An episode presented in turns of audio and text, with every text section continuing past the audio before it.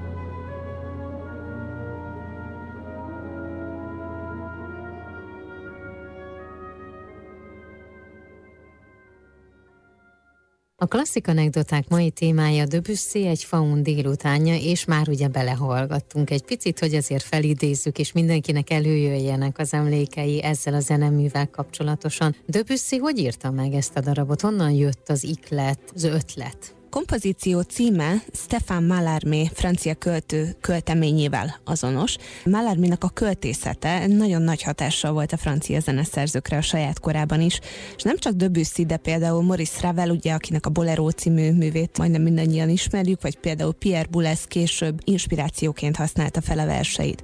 De most ez a Mallarmé vers, ez az ugyanolyan azonos című vers, ez mint inspiráció, ez egy kicsit más történettel rendelkezik, egy kicsit személyesebb háttértörténete van. Mallarmé francia költő ugyanis Debussynek egy, egy idősebb kortársa volt, tehát személyesen is ismerték egymást. És ez azt jelentette, hogy Mallarmé rendszeresen tartott összejöveteleket, és ezeken a barátaival az ifjú Debussy is részt vett. És amikor a Faun délutánját megírta Debussy, az már nem az első Mallarmé feldolgozása volt, ugyanis eleinte a dalait inspirálta a költőnek a művészete.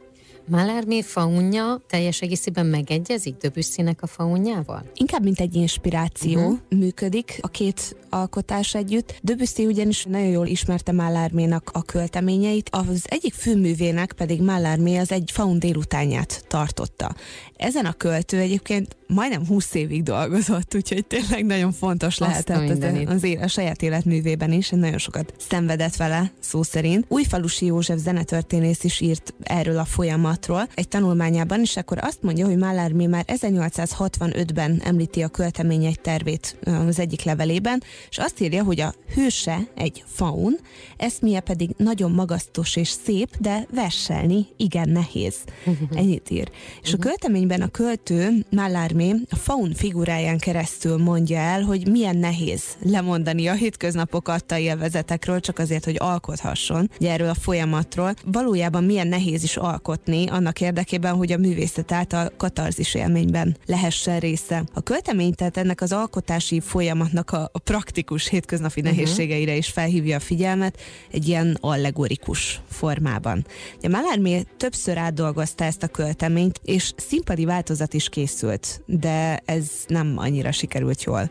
Viszont amikor már elkészült ezzel a verssel, az nyomtatásban 1876-ban jelent meg, és tíz évvel később még két kiadást is megért. Maga a kiadott kötet ez nagyon-nagyon sikeresnek bizonyult, és ennek a kötetnek egy kiadását egyébként Debussy Paul Dukának is oda ajándékozta. Mallarmé viszont nem volt lelkes eleinte az iránt, hogy Debussy megzenésítse ezt a költeményt, mert inkább az elvel volt azt hiszem a problémája sem, uh-huh. mint Debussy személyével. Debussy úgy gondolta, hogy akkor ez egy szép gesztus lenne, hogy akkor meghívja a premierre. És hát azonnal megváltozott Mallarmé véleménye, amikor meghallotta ezt a kompozíciót, és azt mondta, hogy hát ez valami fantasztikus, ez valami csodálatos. Azon azonnal meggondolta magát az elvel kapcsolatban is. Említetted ugye, hogy Debussy viszonylag fiatal volt, amikor ugye ők megismerkedtek. Mikor írta meg ezt a művet, és addig mi volt az ő háta mögött? Milyen zeneszerzői tapasztalata volt? Amikor bemutatták a művét, akkor Debussy művét, akkor Debussy 32 éves volt, tehát egy relatív fiatal uh-huh. zeneszerzőnek számított, és már nagyon ismert volt ekkoriban, nagyon elismert zeneszerző is.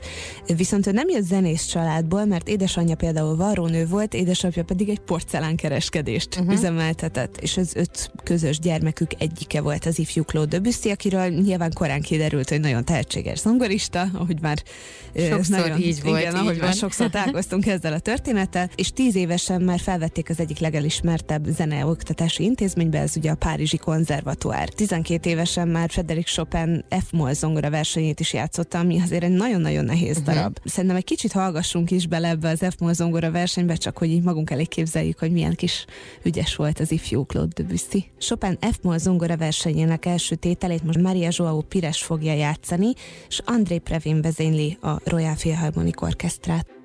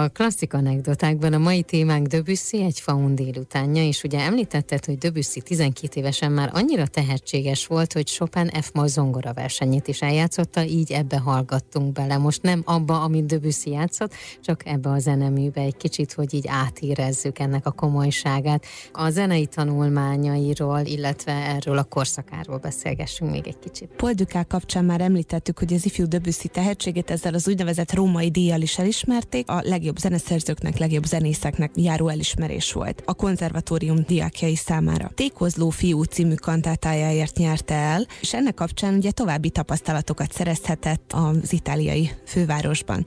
És többek között megismerkedett közelebbről az itáliai reneszánsz nagymestereivel, Palestrinával és Orlando di Lasso zenéjével is közelebbről, később pedig az 1880-as években pedig egy gazdag orosz nemesasszony vette pártfogásába, Nagy Esdafon Mek nevű asszony pedig ő Csajkovszkinak volt az egyik legnagyobb pártfogója. Uh-huh. És ezáltal világot láthatott, Debussy tovább tágulhatott a perspektívája a nemzetközi zeneszerzői mezőnyből. Nagyon sok tapasztalatot szerezhetett, és eljutott Svájcba, eljutott Moszkvába, Olaszországba, és 1887-ben végül letelepedett Párizsban. 1889-ben pedig a Párizs világkiállításon a Gamelán zenével is találkozhatott. És ez az egzotikus zenei hangzási élmény alapvető hatást gyakorolt később is a zenéjére. Ekkoriban kezdett el egyébként igazán egyedivé válni Debussy kompozíciós stílusa, és hát erre mutat rá például az egyik legismertebb zongora darabja is, ez a Sweet Bergamask, amit még 1890-ben kezdett el, de elég sokáig komponált. Ennek a legelső tételébe, a prelűdbe hallgassunk most bele, ez, ez tipikus, tipikus Debussy most már.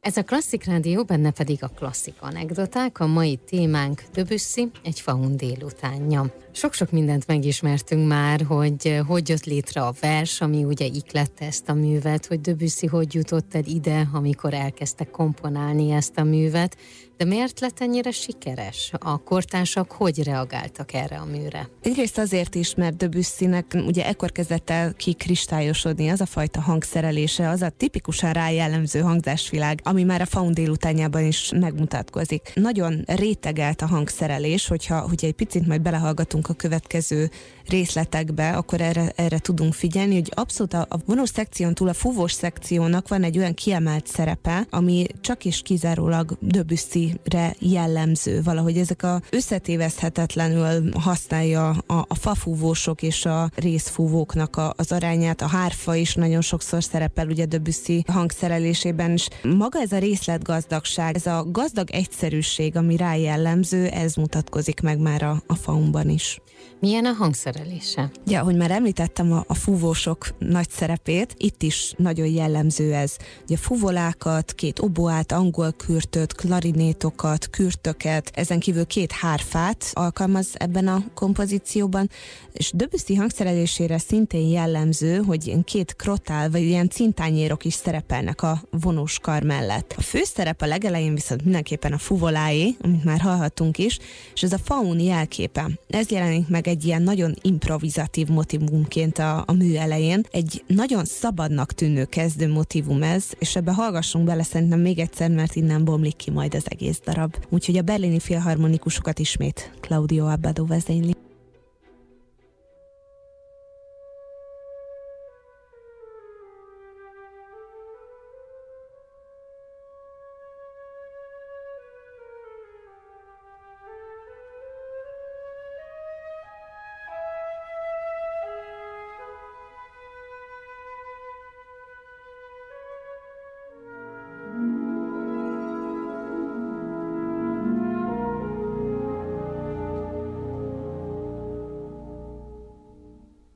A faun délutánja, ez szerintem egy hihetetlenül izgalmas mű, és biztos vagyok benne, hogy nagyon sok mindenki ismeri, de ma abban a szerencsés helyzetben vagyunk, hogy ezt egy picit még jobban megismerhetjük.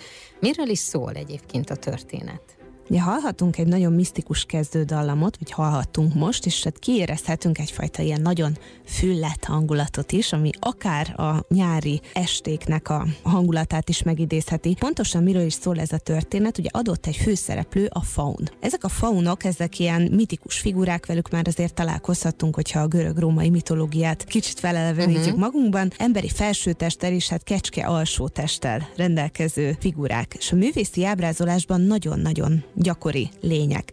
Ugye alapvetően a termékenységgel vagy az erotikával kapcsolódik össze az alakjuk, és hát a mi faununk is egy a hasonló teremtmény, aki fuvola mhm. szólóval vagy ezzel a pánsípszerű improvizatív motivummal elkezdi Debussy ilyen nagyon szabadnak tűnő kompozícióját, és hát mindegy felsóhajt így a hőségben. Najádok, nimfák vesztik körül ilyen nagyon szép, mitikus teremtmények, akiket hát elkezd üldözni a szerelmével. Erről azonban le kell mondania, ugye itt most gondolhatunk a Mallarmé versre is, a Debussy-nél ez a hajsza, ez nem annyira sikerül, egyáltalán nem sikerül. A faun inkább magában kezd el történeteket kitalálni és képzeledni. Mallarmé költeményében ezt, a, ezt az energiát, ezt ő az alkotás folyamatába trans transportálja gyakorlatilag, uh-huh. és hát ez az, ami keresztül létrejön végül is a mű maga. Ebbe a folyamatba egy kicsit hallgassunk bele még egyszer hosszabban.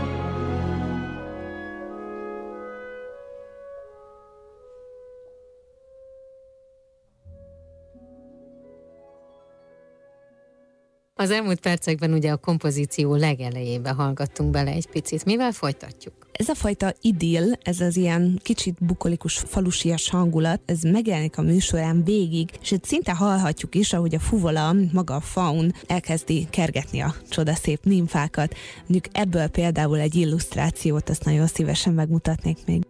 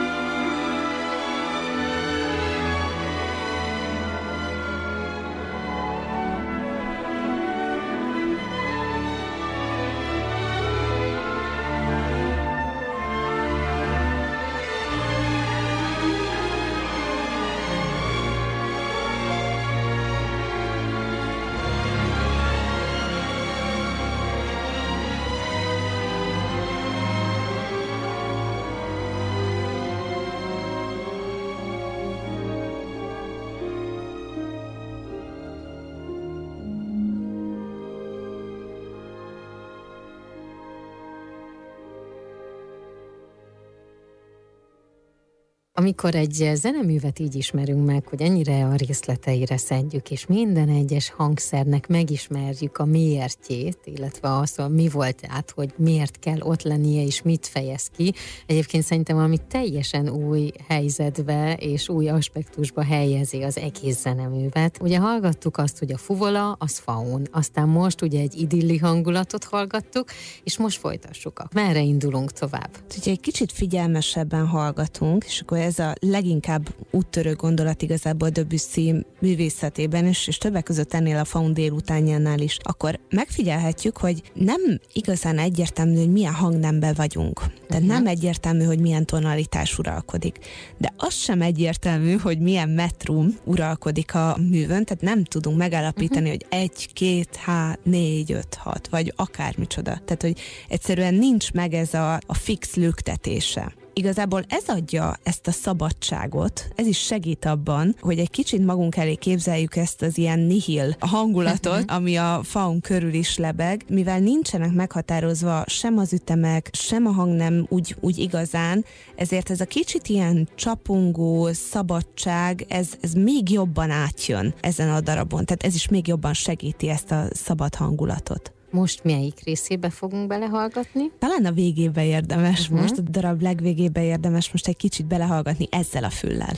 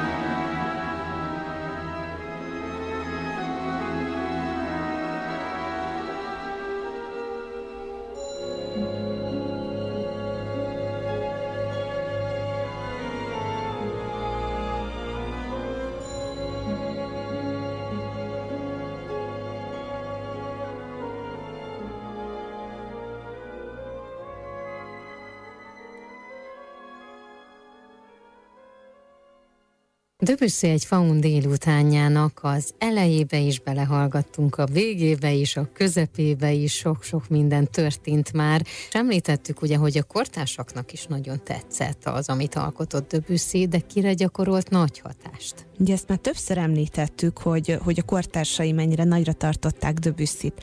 És hát hatást gyakorolt a táncszínpadra is, az irodalomra is, nagyon jelentősé vált a bemutatót követően közvetlenül a darab. A 19-20. század fordulóján alkotott a Nobel-díjas irodalmár német író Thomas Mann, akinek a Varázshegy című regényében is fontos szerepet tölt be ez a darab. Ugye ez a regény, ez majdnem 30 évvel később keletkezett az egy faun délutánjánál. A főszerep szereplő ebben, ez a Hans Kastorp, aki olvasta, az, az biztosan emlékszik rá, hogy neki az egyik kedvenc kompozíciója, ez a Faun délután, és gyakran hallgatja gramofonon is, és akkor közben képzeleg. Uh-huh. De hogyha már a táncot említettem, akkor ez szintén világhírű alkotó, koreográfus táncos volt, Václav Nizsinski, ki egy kievi születésű lengyel származású orosz balettművész volt. Ő egy hihetetlenül elismert figura volt a balettörténetben és a tánctörténetben egyaránt, és például Igor Stravinsky tavaszi áldozatát is ő koreografálta, és ő vitte színpadra etéren, és ez szintén egy nagyon nagy jelentőségű alkotás volt, ugyanúgy, ahogyan az egy faun délutánját is mekkora koreografálta. Ez viszont egy eléggé botrányos előadás volt, mert ha. nagyon kiéleződött az erotikus jellege a, a darabnak, és hát gyakorlatilag túl konkrétá vált az egész kompozíció, úgyhogy bemutatót követően gyakorlatilag azonnal levették a színpadról. Debussynek milyen hatása volt a zenetörténelemre? A zenei impressionizmus legfontosabb figurájának is mondják Debüsszit, ez az elmosódott, nagyon színes, színgazdag hangzás, ez a kicsit mitikus, misztikus hangulat, ami körüllengi, ez az egész ilyen improvizatív benyomás, Ez, ez abszolút erre, erre jellemző. Debussy erről egyébként azt mondta, ő kifejezetten írtózott ettől a terminus mhm. technikusztól, uh-huh. hogy ő, ő nem stílusban szeretne alkotni, hanem ő valami egyedit szeretne létrehozni, és nem igazán érdekelték ezek a címkék. Ez abszolút sikerült neki szerintem. És hogy konkrétan kikre volt például hatása, most a magyar zeneszerzést említeném, mert, mert az, az abszolút, abszolút jelentőségteljes. Bartók Béla 1907-ben ismerkedett meg az ő zenéjével, és a jelentőségét ezt éppen abban látta, amit mondjuk a Faun délutánjában is most megfigyelhettünk. Ez a tonalitás és a, és a metrumoknak a, a teljesen szabad kezelése. És hát ebben Bartók abszolút, abszolút Debussy hatása alatt volt.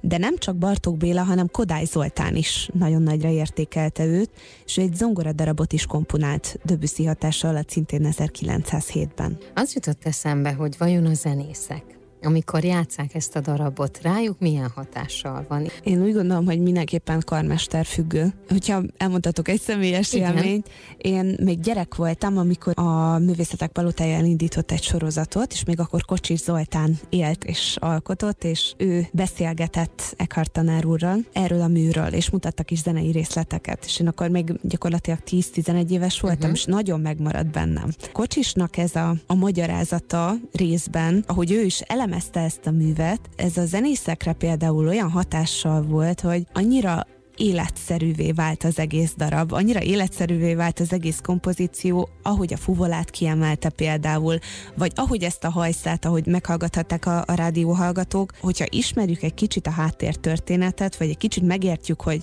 egy-egy hangszernek mi a szerepe, akkor úgy gondolom, hogy sokkal közelebbivé válik az élmény, és sokkal többet mond egy-egy darab. És szerintem a zenészeknek ugyanúgy, mint a, mint a közönségnek.